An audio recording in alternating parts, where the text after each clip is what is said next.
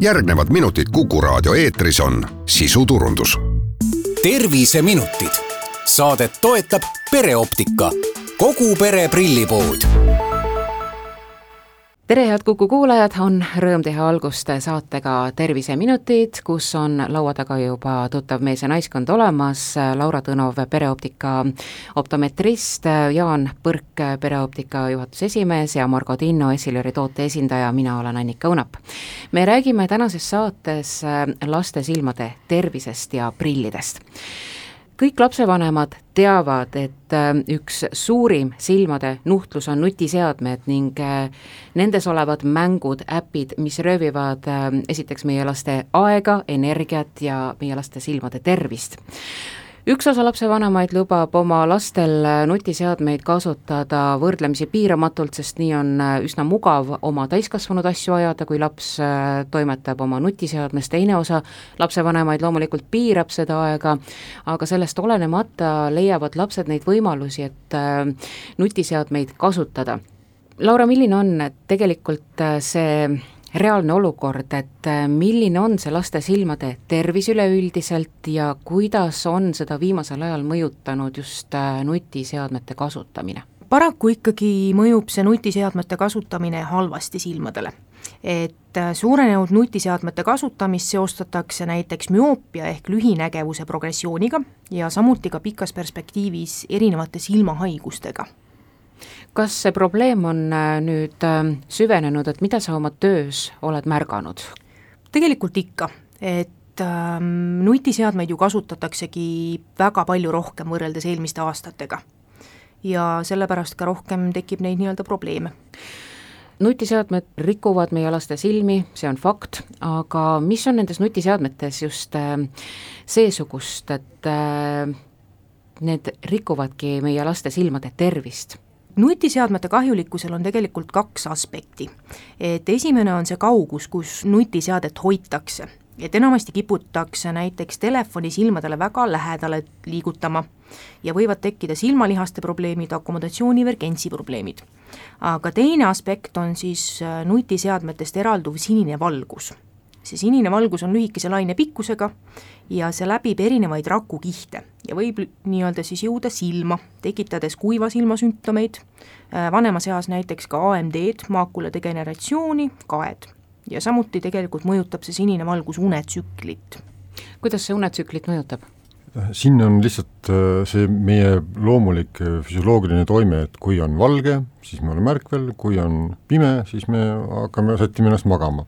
ja kui me saame seda sinist valgust, eks ole, liiga palju valel ajal, siis me lihtsalt oleme segaduses, et siis me ei jää magama. siinkohal äh, paljud äh, lapsevanemad käituvad justkui risti vastupidi, et nad annavad äh, oma mobiiltelefoni vankrilapsele kätte ja, ja loodavad, et nüüd päevauni tuleb kiiremini või, või õhtuuni, siis tegelikkuses ju see nii ei ole. tegelikult mitte, jah kuidas aga osata kodus jälgida nägemisega seotud muutusi ja probleeme lastel? Kolmandaks eluaastaks peaks laste binokulaarne ehk kahe silmaga koos nägemine olema juba enam-vähem välja arenenud. ehk siis see tähendab seda, et on olemas korralik käe-silma koordinatsioon, silmad suudavad sujuvalt liikuda ja konvergeerida, ehk nii-öelda nina peale kokku vaadata. Eh, kindlasti on suur ohumärk see, kui näiteks kolmeaastane laps kõõritab ja ka see, et kui laps ei suuda üle viieteistkümne minuti keskenduda lähitööle, siis see võib viidata nägemisprobleemile et siin ilmselt on äh, heaks äh, nõuandeks ka see, et äh, oma jäl-, lapsi lihtsalt jälgida, mida ta teeb, mida ta ei tee, mis on tema jaoks sellised noh, et, et millega ta on hõivatud ja millega ei ole, et kui laps ikkagi ei taha teatud asju teha, mis on seotud nägemisega, noh kas vaadata kaugele, lugeda või, või, või toimetada, või ta ei reageeri millelegi, eks ole, ta lihtsalt ei, ei, ei reageeri näiteks sellele, kas sa näed seda, et siis ta ei,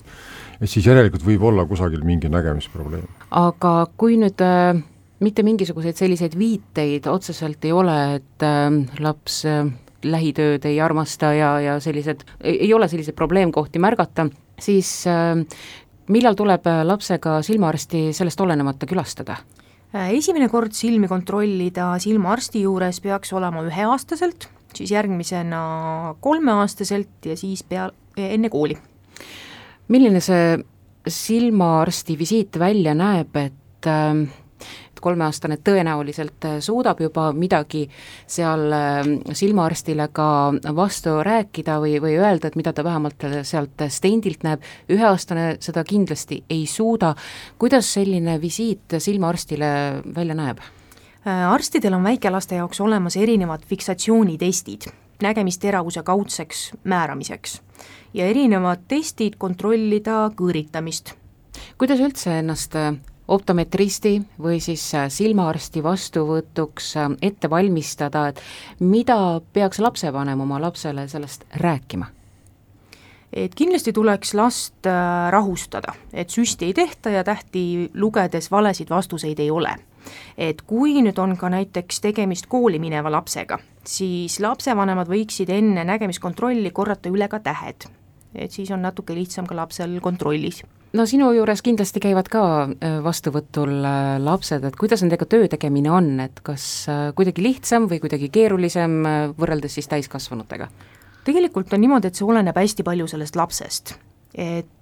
optometristidel samamoodi on oma väikesed nii-öelda nipid, kuidas laste tähelepanu võita aga kui me jõuame sinnamaani, et kui lapsel on vaja neid prille, siis iseenesest ju tänapäeval neid prille kartma ei pea, seepärast et äh, tänapäeval äh, näevad laste ja noorte prillid välja väga trendikad, väga moekad. milline see lapsevanemate ja laste reaktsioon üleüldiselt on, et kui nad näevadki seda suurt valikut kui me vaatame neid reklaame või äh, maailmas on üldse levinud, et kui me tahame midagi äh, lastele suunata, siis nendel lastel ja põngerjatel on ikkagi prillid ees, nii et, et tegelikult see prill on ju ilus asi ja, ja seda ei pea kindlasti kartma ja ja tänapäeva võimalused on äh, nende prillidega hästi näha ja need materjalid on sellised, mis on ohutud ja kindlasti ka väga äh, mugavad kandmiseks. mida jälgida kui äh, läheb prilli ostuks lapsele? kindlasti tuleb äh, vaadata seda, et, et prill iseenesest oleks äh, õige mõõduga, et ta ei oleks liiga raske materjal, et kui las-, laps areneb ja kasvab, siis ütleme, liiga raske prill näo peal jätab oma jälje ka ütleme, selle kasvuperioodi jooksul. ja noh, ütleme kõik need allergeensed toimed ja asjad, et, et prill oleks ikkagi sertifitseeritud ja õigest kohast ostetud, et et ei oleks juhuslik prill lapsel nina peal. Sest äh, hästi palju tehakse tööd sellega, et äh, need materjalid ohututeks äh, muuta ja kui me vaatame prilli, siis me leiame sealt väga palju selliseid pisikesi osakesi ja sertifitseeritud tooted tagavad selle, et kui need näiteks juhtuvad katki minema, et siis need tükikesed oleksid sellised, mida äh, ei oleks võimalik neid alla neelata või, või kuidagi viga teha. et äh, just nimelt see äh, on äh, üks asi, mis teeb need lasteprillid natuke ka kallimaks, et mida ohutum asi on, seda rohkem tööd on selle materjali ja selle toote kallal nähtud kui me nüüd konkreetselt räägime, siis millist äh, materjali justkui võiks ähm, eelistada, kui te annate siin võib-olla soovitusi, et nagu prilliraami poolest või prilliklaasi poolest, et äh, kui äh, tehakse valik just lapse kasuks? metallidest on väga hea materjal beeta-titaanium, mis on hästi sellise painduva ja tagasi äh, mineva, ta, ta läheb tagasi oma sellesse kujusse, mis ta eelnevalt oli ja ei purune eh, muidugi hästi mugav materjal on plastmass, mida noh, ei saagi nimetada enam päris plastmassiks, ta on tõesti niivõrd painduv, niivõrd vetruv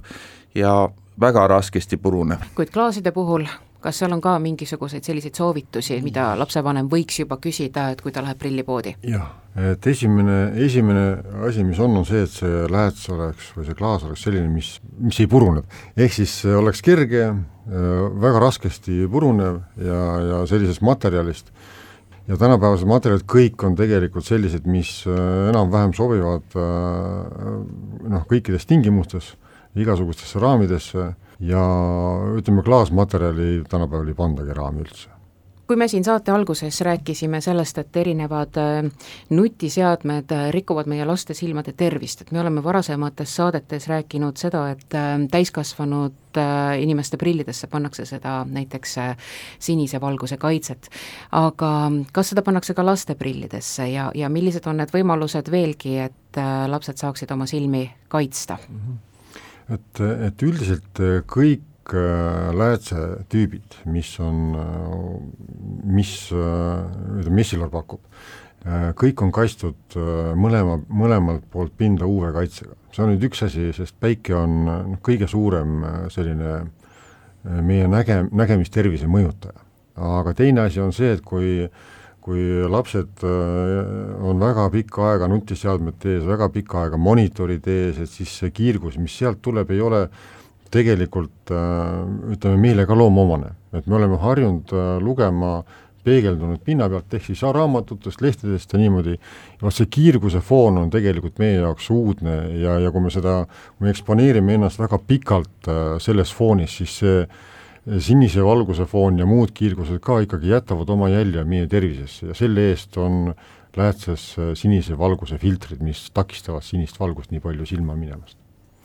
Seda infot on täna juba päris palju tulnud ja, ja õnneks on meie saade ka podcastis järelkuulatav, et seda võib kohe edasi-tagasi kerida, et kui, kui nüüd ühe korraga seda infot kuidagi ei talleta ja teine võimalus on alati küsida äh, prillipoest optometristidelt abi aga nüüd, äh, kuna kooliaeg on kätte jõudmas, siis kindlasti ma usun või julgen kutsuda kõiki lapsevanemaid üles oma laste silmi kontrollima. Laura, ütle palun veel lõpetuseks, et äh, kui sageli tuleks äh, koolilaste silmi kontrollida? kuna koolilaste silmad on ja nägemine on selline, mis muutub suhteliselt kiiresti, sest et laps kasvab, samamoodi silm kasvab, siis võiks kontrollis käia ikkagi iga aasta aga suured tänud, meil olid äh, täna stuudios äh, pereoptikast Laura Tõnov ja Jaan Põrk ning Esilori toote esindaja Margo Tinno, mina Annika Õunapää, tänan kuulamast. terviseminutid, saadet toetab pereoptika, kogu pere prillipood